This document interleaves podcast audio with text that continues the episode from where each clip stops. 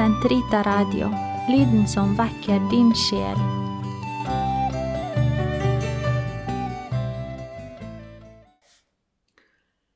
Den katolske kirkes katekisme, uke 12, mandag, paragraf 193 til 199.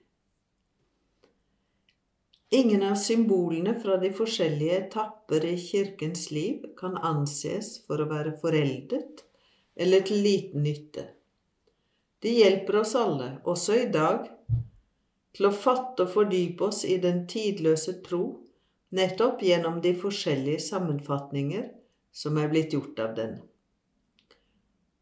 Blant alle troens symboler er det to som inntar en særstilling i kirkens liv.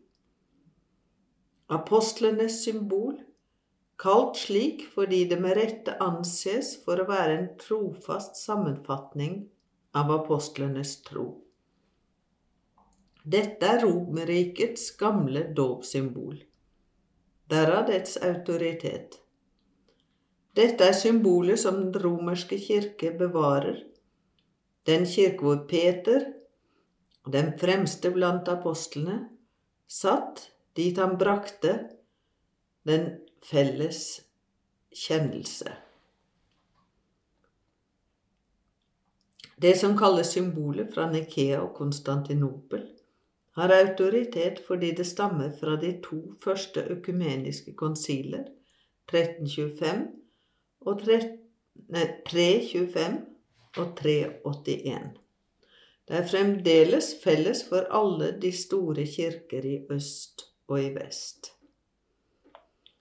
Vår fremstilling vil følge apostlenes symbol, siden det så å si utgjør den eldste romerske katekisme men fremstillingen vil stadig bli utfylt ved henvisninger til symboler fra Nikea og Konstantinopel, som ofte er fyldigere og mer detaljert.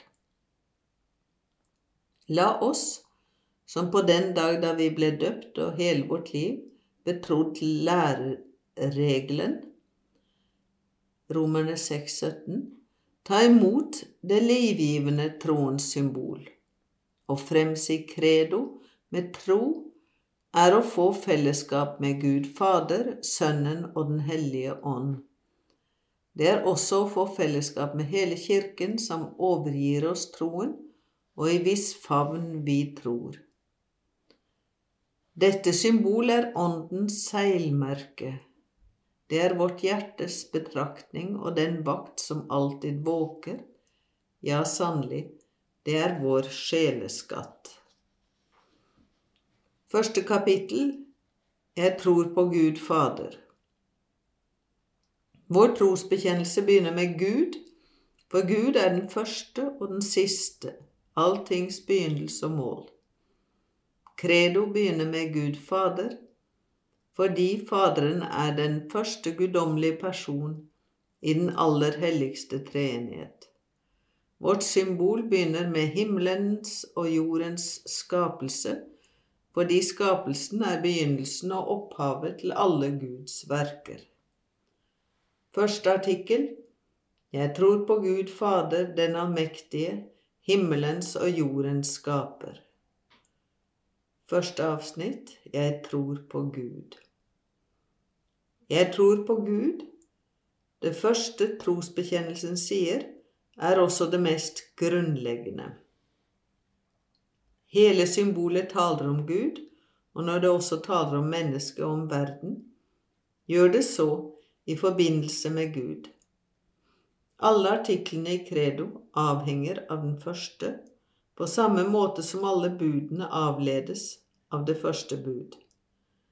De andre artiklene lærer oss Gud bedre å kjenne etter hvert som han gradvis åpenbarte seg for menneskene. De troende bekjenner først at de tror på Gud.